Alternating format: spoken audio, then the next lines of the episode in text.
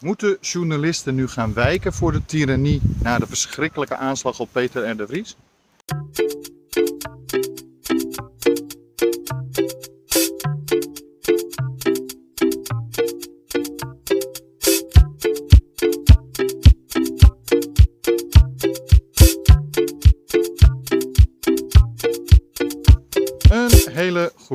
Goede morgen en welkom bij deze nieuwe aflevering van de podcast De Ochtendwandeling.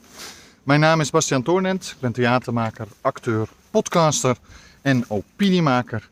Maar ik ben met name een hondenliefhebber en zoals bijna iedere morgen eh, loop ik weer door de Zandvoortse duinen. En terwijl ik dat doe, bespreek ik met u, de luisteraar of kijker van deze podcast, diverse politieke of maatschappelijke onderwerpen. Eh, nu kunt u deze podcast natuurlijk bij iTunes vinden, op Spotify en natuurlijk ook op Google Podcast en diverse andere podcastplatformen. Tevens kunt u de video's van deze podcast vinden op mijn YouTube kanaal en op mijn Facebook fanpage. Eh, like, subscribe, doe de duimpjes omhoog. Deel eventueel de video's en ook eventueel de afleveringen van de podcast. En eh, laat eventueel ook een recensie achter. Natuurlijk het liefst 5 sterren. eh, zodat andere mensen mij weer wat beter kunnen vinden, deze podcast tenminste. En wilt u nou meer over mij weten of eh, over de podcast, of wilt u deze podcast ondersteunen door eh, vriend van de show te worden met een eenmalige donatie? Kijk dan even op mijn website. En dat is www.torenent.nl. Goed, waar gaan we het over hebben? Nou ja, iedereen is gisteren natuurlijk nogal geschrokken. Eh, ik denk dat het bijna niemand is ontgaan wat gisteravond gebeurd is. Want overal op het nieuws was het op elke zender. Er ruimschoots aandacht aan besteed. En deze morgen staat er ook heel veel kranten. Eh, en ik wilde het eigenlijk over de boeren hebben die vandaag gaan protesteren. Maar dat verschuif ik nu toch maar even. Omdat ook ik nogal geschokt ben door de aanslag op Peter R. de Vries. Nou, voor de mensen die dan toch het net niet gevolgd hebben, wat ik me bijna niet kan voorstellen, eh, kan ik even heel kort uitleggen wat er gebeurd is. Gisteravond was Peter R. de Vries te gast, zoals hij vaker is, in RTL Boulevard. Eh, nou, na die uitzending liep hij naar buiten. Eh, dat is op de Leidse Lange Dwarsstraat in Amsterdam, midden in het centrum is dat. En daar zijn, is een eh, man geweest die hem met vijf kogels heeft beschoten. En Peter R. de Vries is in zijn hoofd geraakt. Eh, waren veel, eh, min of meer, omstanders die heel snel Peter R. de Vries te hulp schoten. Politie was en, en hulpdiensten waren snel te plaatsen. Dus Peter R. de Vries is naar het ziekenhuis. Welk ziekenhuis weet niemand. Dus ze denken het vuur nu, de journalisten. Omdat daar nu heel veel politiebeveiliging voor de deur staat, et cetera. Maar goed, eh, laten we daar even niet verder over speculeren. Maar in ieder geval, hij is naar het ziekenhuis gebracht. Hij ligt daar in eh, nou ja, kritieke toestand en vecht daar voor zijn leven. Verder is er over zijn directe toestand momenteel niet zoveel bekend. Eh, maar ja, eh, er zijn wel twee verdachten in een vluchtauto. Tenminste, dat is nu hetgene wat de politie nog wel heeft aangegeven. In een vluchtauto eh, aangehouden. En er is een eh, derde verdachte eh, ook aangehouden, maar op een andere plek in Amsterdam. Ehm, uit welke hoek het is, weet niemand. Eh, althans, daar doet de politie nu nog geen uitspraken over. Dat is dus ook nog niet bekend. Vandaag worden waarschijnlijk de verdachten nou ja, verhoord, et cetera. En alles wat daarbij komt kijken. En ook ik hoop echt met mijn hart dat Peter R. de Vries eh, dit, deze verschrikkelijke aanslag eh, overleeft. Eh, en ook op een goede manier overleeft. Dat er geen echte blijvende schade is. Behalve dan de schade die het ook onze maatschappij momenteel heeft aangedaan. Want daar ga ik het dus over hebben.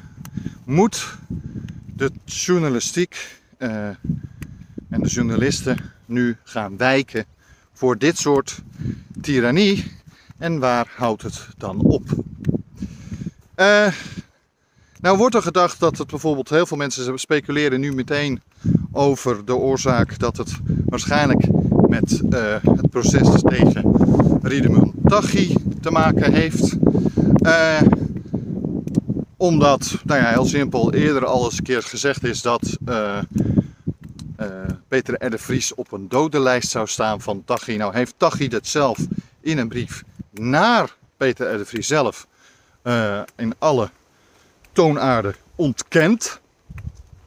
Echter is Peter R. Vries natuurlijk wel de vertrouwenspersoon van uh, Nabil B. En dat is de kroongetuige, uh, een van de belangrijkste kroongetuigen in het proces tegen Riedemann Taghi. Dus ja, op zich zou het natuurlijk kunnen dat het wel degelijk uit die hoek vandaan komt. Um, maar ja, dat is allemaal nog speculeren, dat, daar weten we gewoon te weinig nog van.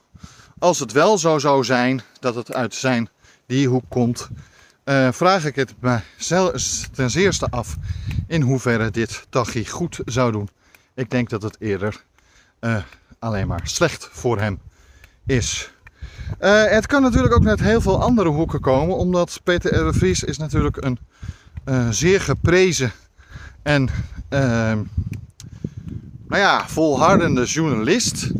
Ehm, sommige mensen vinden hem ook soms wel vervelend, ook als hij over dingen gaat praten waar hij eigenlijk direct niet voor zit. Uh, of nou ja, mensen zeggen van joh, daar heeft Peter de misschien niet de meeste verstand van. Maar dat neemt niet weg dat hij als journalist, maar ook als uh, procesbegeleider voor bijvoorbeeld ouders van vermiste kinderen, uh, et cetera, et cetera. Hij is natuurlijk ook heel bekend van zowel de onterecht vastzittende mannen die veroordeeld waren voor de Putterse moordzaak. Daar is hij een van degenen geweest, of nou ja, eigenlijk vooral namelijk degene geweest, die keihard heeft gevochten dat deze mannen uh, in ere her werden hersteld en vrijkwamen. Aangezien uh, nou ja, justitie en politie toen echt grote fouten heeft gedaan, maakt. Uh, Peter de Vries heeft ook vaak genoeg wel met, met de politie en justitie gewoon samengewerkt. Dus het is nou niet zo dat politie en justitie alleen maar een hekel aan hem hebben. Want ze hebben ook heel vaak profijt van hem gehad. Zoals in uh, de moordzaak van Nicky Verstappen, waar hij heel bekend staat. En nou ja, daarnaast is hij natuurlijk ook degene die de zussen van Holleder heeft geholpen uh, om tegen Holleder te gaan getuigen. En hij heeft hen heel erg bijgestaan. Het kan dus ook nog steeds, aangezien het hoge beroep tegen Holleder momenteel plaatsvindt, het kan ook nog heel goed zijn dat het uit de hoek van Holleder komt.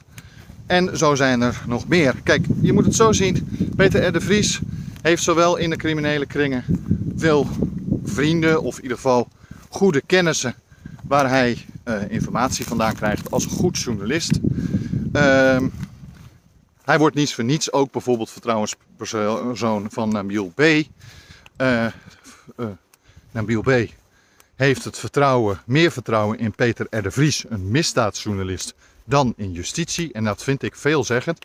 Vooral over de statuur van Peter de Vries. En, uh, maar ja, hij heeft ook in de jaren natuurlijk ook veel vijanden gekregen. Het idee dat het uit Taghi's hoek komt is ook weer niet zo gek, aangezien daar natuurlijk al een, de broer van de kroongetuige al is vermoord de eerste advocaat van de kroongetuigen al is vermoord. Er is al eerder, een paar jaar geleden, uh, een, nou ja, eigenlijk niet echt een misdaadjournalist, maar een misdaadblogger moeten we het maar noemen, die wat ongenuanceerd kon zijn qua schrijven. Die was een van de eerste die echt heel duidelijk schreef over de hele organisatie van Taghi. En die is ook vermoord. Ehm, dus ja, heel eerlijk, het is niet gek dat de meeste mensen daaraan denken. Maar ja, andere kant, dat is alleen maar speculatie. Laten we gewoon het onderzoek afwachten. Maar we komen nu wel bij een heel ander punt. En dat is eigenlijk de verharding van de samenleving en dus ook van de criminaliteit. Uh, en hoe ver de journalisten daar toch steeds maar uh, gewoon tegen moeten blijven vechten en moeten blijven bericht geven, ondanks uh, dat ze daarmee eigenlijk heel veel risico lopen. Nou zijn er mensen die waren er gisteren al, dat vond ik eigenlijk wel schrikbarend, die gelijk al zeiden, ja, dat is nou eenmaal het risico van het vak. Nou, dat vind ik belachelijk. Ik vind het niet het risico van het vak. Maar daar gaan we het zo verder over hebben. Tot zo. Hallo, mijn naam is Bastiaan Toornent en dit is Uit de Schulden, de weg van de meeste weerstand. Uit de Schulden is een verhalende podcast waarin ik u met droge humor, waargebeurde komische anekdotes en zeer schrijnende situaties vertel hoe ik uit de schulden wist te komen. Ik vertel u alles over de vele vooroordelen waar ik tegenaan liep. Ik vertel u alles over de onbegrijpelijke bureaucratische processen waar ik aan deel moest nemen. En natuurlijk vertel ik u ook hoe ik de dupe werd van misdadig overheidsbeleid. U kunt zich abonneren op deze podcast via Spotify, iTunes, Google Podcast en diverse andere podcastplatformen. Ik wens u alvast heel veel luisterplezier. En welkom terug. Uh, mocht u nou meer informatie willen hebben over de podcast Uit de Schulden, of wilt u meer informatie over de voorstelling die daar uiteindelijk uit voort zal komen, of wilt u die podcast ondersteunen en het hele project uh, wat erachter zit, of u zich aanmelden voor uh, als vrijwilliger of als vriend van die show door een eenmalige donatie te doen? Kijk dan even op onze website en dat is www.torenent.nl. Goed, waarom vind ik dat iedere, uh, waarom vind ik dat het niet per se een risico van het vak moet zijn en dat we het ook niet op die manier weg moeten zetten? Omdat je daarmee eigenlijk al aangeeft dat we het zogenaamd normaal vinden dat met name bijvoorbeeld uh, nou ja, misdaadjournalisten, daar is het uh, eigenlijk als eerste het meest mee gebeurd. Maar tegenwoordig gebeurt het bij nou ja, bijna alle soorten journalisten. Uh, dat zij bedreigd moeten worden. Ik bedoel, John van der Heuvel zit al meer dan twee jaar in een hele strenge beveiliging. En zijn gezin en familie ook. En dat is alleen maar puur omdat hij uh, met name veel schreef over de groep Tachi. En daar dus op een dodenlijst kwam te staan. Daardoor kon hij heel veel werk uh, niet meer doen in het begin. En op een gegeven moment door de beveiliging, door de hele strenge beveiliging die hij om zich heen heeft, kan hij toch nog wel uh, gedeelte van zijn werk doen. Maar het is natuurlijk een verschrikking dat hij altijd beveiligd wordt. Uh, ik vind dat ook van politici. Ik bedoel, ik vind het verschrikkelijk dat, uh, dat heb ik al vaker gezegd, dat Wilders en dat uh, Thierry Baudet worden bedreigd met enige regelmaat. En dat Wilders daardoor al jaren hele strenge beveiliging om zich heen heeft. en eigenlijk nooit meer echt alleen is. Ik vind het met name erg voor Wilders, maar ik vind het ook heel erg voor zijn vrouw en kinderen. En dat geldt eigenlijk voor elke politicus. Dat zou ook niet het risico van het vak van politici moeten zijn. Uh, er zijn verschillende vloggers, verschillende podcastmakers, die worden ook bedreigd. En soms is die dreiging echt heel ernstig en gevaarlijk, waardoor ook deze mensen moeten beveiligd worden. En sommigen zeggen nu, want Peter R. de Vries die is wel vaker bedreigd in het verleden. En er is wel vaker echt ernstige dreiging geweest, ook bijvoorbeeld vanuit de tak van Holleder. Uh, en hij heeft nooit daaraan toe willen geven. Beveiliging, een hele strenge beveiliging om hem heen. Tenminste, dat wordt door vriend, vrienden en collega's gezegd. Uh, dat wilde hij niet aan toegeven. Omdat hij nou ja, dat geen optie vond. Bovendien geloofde hij heilig in de vrijheid van eh, de pers, van de journalistiek.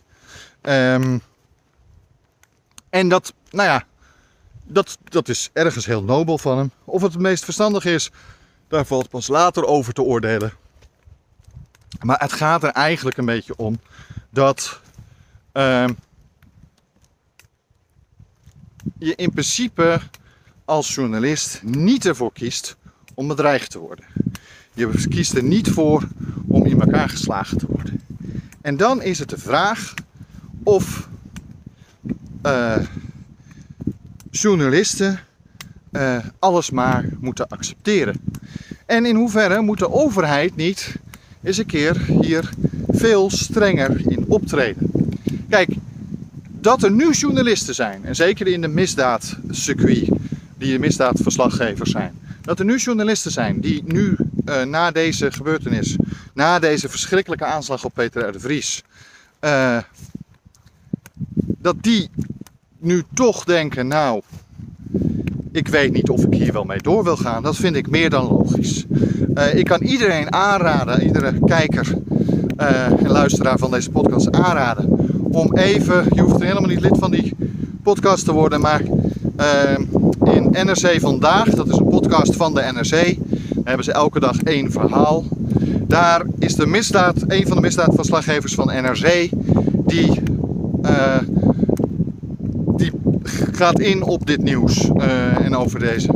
En ook met name moeten wij wijken als journalisten voor dit soort dictators, dit soort tirannie ten opzichte van uh, nou ja, wat we wat, wat, wat, wat, nou ja, moeten we stoppen met schrijven hierover, uh, et cetera. En deze journalist, ik weet niet hoe die heet, uh, ben ik even zijn naam vergeten, maar die, die schiet echt aan het eind van het programma echt helemaal vol, omdat één, het gaat om een hele goede en vriendelijke collega van hem, maar daarnaast gaat het ook natuurlijk om zijn eigen veiligheid en de veiligheid van zijn vrouw en zijn kinderen. En in hoeverre moet je dat, moet je doorgaan met je werk als je zo extreem uh, risico daarmee loopt. Uh, zijn journalisthart zegt heel duidelijk, en dat vind ik heel dapper, dapper dat hij zegt van nee, we moeten juist nu, om ook Peter R. de Vries te blijven ondersteunen, juist nu door blijven gaan. Maar ja, andere kant is hij ook wel bang. En dat is logisch. Maar het ergste vind ik nog dat het niet alleen de misdaadverslaggevers journalisten zijn. Kijk, um, de misdaadverslaggevers weten al enige jaren dat ze enig risico lopen. Er zijn wel vaker bedreigingen geweest. Um, en hoewel ik vind dat het niet, je het niet af moet doen als risico van het vak, uh, weten wel heel veel, van misdaad, uh, heel veel misdaadverslaggevers wel degelijk dat er een risico zit aan hun vak, maar een soort journalistiek. Maar het meest erge vind ik nu dat, uh, en het is gelukkig nog lang niet in deze mate zoals bij de misdaad gebeurt, maar dat steeds meer gewone journalisten die in Den Haag zitten of gewoon verslag doen, een jonge gozer van Pound die notabene uh, corona demonstranten uh, het woord geeft en, en, en, en verslag doet van hun demonstratie en wat zij vinden. En die wordt gewoon letterlijk bijna helemaal in elkaar gemapt door een paar meloten, want zij eh, hun zint het niet dat er een journalist daar uh, staat om verslag te doen. Uh, en zij zien journalisten als één groot kwaad die allemaal fake nieuws verspreiden. Wat, wat ik er erg aan vind, is dat dus bijna de hele journalistiek momenteel de dupe is van steeds meer tirannie. En ja, dat de misdaadverslaggevers daar uh, de eerste uh, stap, uh, of de eerste grootste klappen ontvangen. ja, ergens is dat te begrijpen, want criminelen wijken eh, helemaal nergens voor. Maar het feit dat we hebben gezien dat een, eh, zelfs kerkgangers eh, een journalist in elkaar meppen.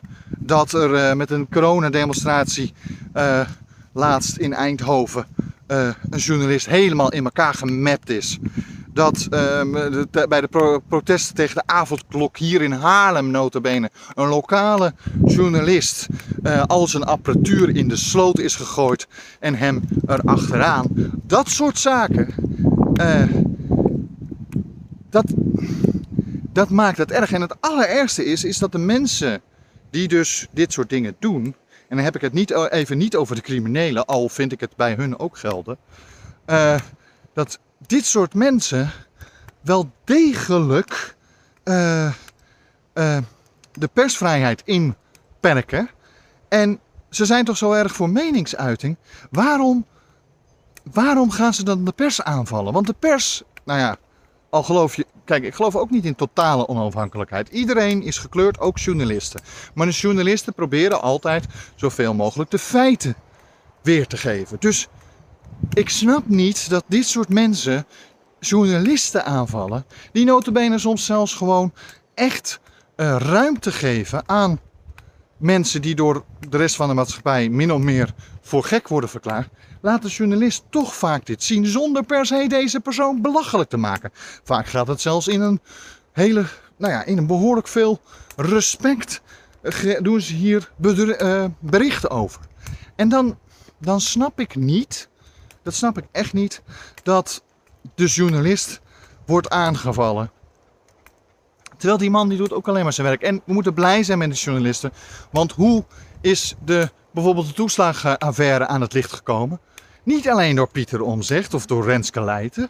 Renske Leijten en Pieter Omzicht konden pas goed eh, tegen, eh, in de, tegen de regering ingaan en hard zijn tegen ze. Omdat journalisten het eh, als eerste opgepakt hadden. Als eerste alles uitgezocht hadden. En eigenlijk het misdadig overheidsbeleid hadden onderzocht. En daar met bewijzen kwamen. Die bewijzen zijn door, vervolgens door Renske en Pieter Omzicht eh, aangepakt om de ministers en staatssecretarissen eh, scherp te ondervragen, et cetera, et cetera. En iedereen weet hoe het verder is afgelopen. Ehm, maar dat geldt ook wat misdaadverslaggevers betreft. Momenteel is er een groep misdaadverslaggevers. Die, die schrijven niet per se wat het OM willen. Eh, heel veel mensen vinden nou ja, het hele strafproces, bijvoorbeeld van Holleder, heel veel misdaad. Nou ja, er zitten wel hier en daar wat haken en ogen aan. Ehm, ik luister meerdere misdaden. Ik luister zowel de, de podcast eh, eh, van Proces Daggy van Het Parool. Eh, als bijvoorbeeld eh, eh, de podcast Willem. Die ging eerst over Willem Holleder eigenlijk, dat proces. Maar uiteindelijk gaat het nu over veel meer misdaadzaken en zo. En daar hoor je dus ook de kanten van de advocaten van een, een, een, een verdachte. Dus de verdachte krijgt ook ruimte in dat soort podcast om zijn kant te belichten. Eh, de journalisten geven zelf vaak aan dat ze bijvoorbeeld momenteel heel kritisch zijn over eh, de steeds meer ruimte die het OM neemt in bijvoorbeeld eh, de, hoe noem je dat nou? De, de zaken ten opzichte van de, de kroongetuigers. Dat kroongetuigers, nou ja, min of meer zwaar betaald worden voor hun getuigenis. En dat is dan niet in de vorm van direct geld, maar in dat ze bijvoorbeeld miljoenen krijgen voor de beveiliging als eh, eenmaal de processen voorbij zijn. Het gaat mij erom dat dit soort journalisten wel degelijk meerdere kanten belichten. En dat doen ze allemaal. Niet alleen in de misdaadverslaggeving, dat doen ze in de, eh, in de politiek. Dat doen ze. En tuurlijk heb je er hier en daar een zitten die bepaalt heel duidelijk zijn of haar politieke voorkeur doorgeeft. En daar mag u het niet mee eens zijn. Maar bedreigen, in elkaar slaan en, nou ja, des te erger, zoals nu met Peter R. de Vries, dat hij gewoon in zijn hoofd neer wordt geschoten. Alleen maar omdat hij een goede journalist is, omdat hij goed zijn werk doet en heel betrokken is. En dat hij eh, eigenlijk een icoon is. Eh, in Nederland. En, en eigenlijk is het een van de Nederlandse helden. Hoe oneens ik het soms ook wel, wel met hem ben. En dan heb ik het niet over de strafzaken, want daar heb ik zelf geen verstand van. Maar goed, hij heeft ook wel eens zijn politieke voorkeur en zo aangegeven. En daar heeft hij ook wel eens opmerkingen gemaakt. Ja, daar ben ik het niet mee eens. Maar dat, dat heeft, je hoeft niet iemand aardig te vinden of het met hem eens te zijn, wil je hem niet uh, respecteren. Ik respecteer hem heel erg. En zeker om wat hij tot nu toe allemaal aan het licht heeft gemaakt. En dat hij daarvoor uiteindelijk dan uh, zo nou ja, een aanslag op zijn leven wordt gedaan. Dat vind ik heel ver gaan. Want Peter, we moeten ook beseffen, Peter R. is een instituut. Het is iemand die in de schijnwerper staat. Dus als je als misdaadorganisatie of als persoon, als gek of wat dan ook, zo ver gaat dat jij zo'n misdaadinstituut, waar je eigenlijk bijna zeker van weet dat het uitgezocht gaat worden en waarschijnlijk dat de, uh, hoe heet het, de politie Neven nooit zal rusten om te vinden wie de daders zijn. Uh, omdat het een schok in de maatschappij weergeeft. Dat, dat is meer dan logisch dat dat gebeurt. En dat je zover gaat dat je dat doet. Dat je dan toch zo iemand om het leven brengt. Ofthans, ik hoop echt dat het niet zo ver mag komen. Ik hoop echt dat Peter R. eruit komt. Maar dat je een aanslag doet op zo'n iemand, dat, dat gaat heel ver. En mij zegt, kijk, dit zijn criminelen. En dan zeggen, doen sommigen af, ja, maar dit zijn criminelen en die staan voor niks, et cetera, et cetera. Maar de verharding binnen die criminaliteit heeft ook zijn weerslag op de maatschappij. Kijk naar hoe mensen momenteel omgaan met bijvoorbeeld, eh, echt een meen ik, bijvoorbeeld journalisten die verslag doen van een demonstratie. Want ergens had ik vandaag verwacht dat ook weer journalisten bedreigd of uh, wat dan ook werden door de boeren. Want uh, de hoe heet het, Farming Defence Force heeft ook niet een heel goed contact met alle journalisten. Goed, daar doen we morgen wel weer verslag over, over wat er vandaag gebeurt met de boeren. Ik hoop uh, dat ik niet te passievol ben geweest. Ik wens echt zowel de, de mensen in de omgeving van Peter de Vries als Peter de Vries zelf uh, heel veel uh, kracht toe. En ik hoop echt dat hij er doorheen komt. Want, en ik hoop ook, iedere journalist wens ik ook heel veel kracht toe. Want het is toch verschrikkelijk dat ze met dit soort situaties hun werk moeten doen. Dit was het van vandaag. Mijn website is te vinden op www.torenent.nl. U kunt uh, lid worden van deze podcast via Spotify, iTunes, Apple Podcasts, Google Podcasts en diverse andere podcastplatformen. En u kunt natuurlijk ook uh, de van de video's, op de video's abonneren door te abonneren via YouTube of natuurlijk mijn Facebook fanpage te volgen. Tot morgen.